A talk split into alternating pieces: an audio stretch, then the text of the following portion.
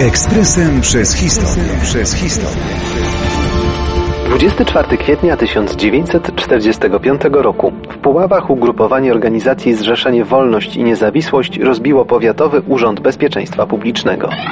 Jakże gorzkie były to dni dla większości Polaków. Rychły koniec wojny majaczył już na horyzoncie, zbrodniczy niemiecki reżim chylił się ku upadkowi, a na ziemiach polskich już na dobre rozgościł się nowy okupant.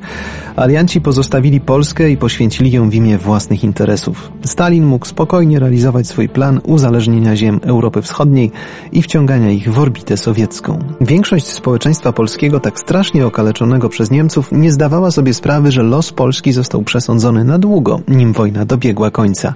Jedni, łudząc się namiastkami i pozorami demokracji, przystosowywali się do nowej rzeczywistości, inni walczyli. Wiosną 1945 roku, jak grzyby po deszczu, powstawały kolejne placówki Urzędu Bezpieczeństwa. Często przy nich organizowano na prędce więzienia dla wrogów ludu, najczęściej żołnierzy podziemia bądź osób im sprzyjających.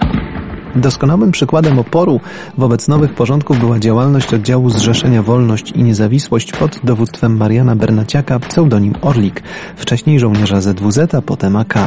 Poszukiwany przez NKWD, Orlik dał się ostro we znaki lokalnej ubecji. 24 kwietnia 1945 roku jego zgrupowanie rozbiło Powiatowy Urząd Bezpieczeństwa w Puławach. Efekt to 107 uwolnionych więźniów, zabitych pięciu funkcjonariuszy UB i dwóch milicjantów.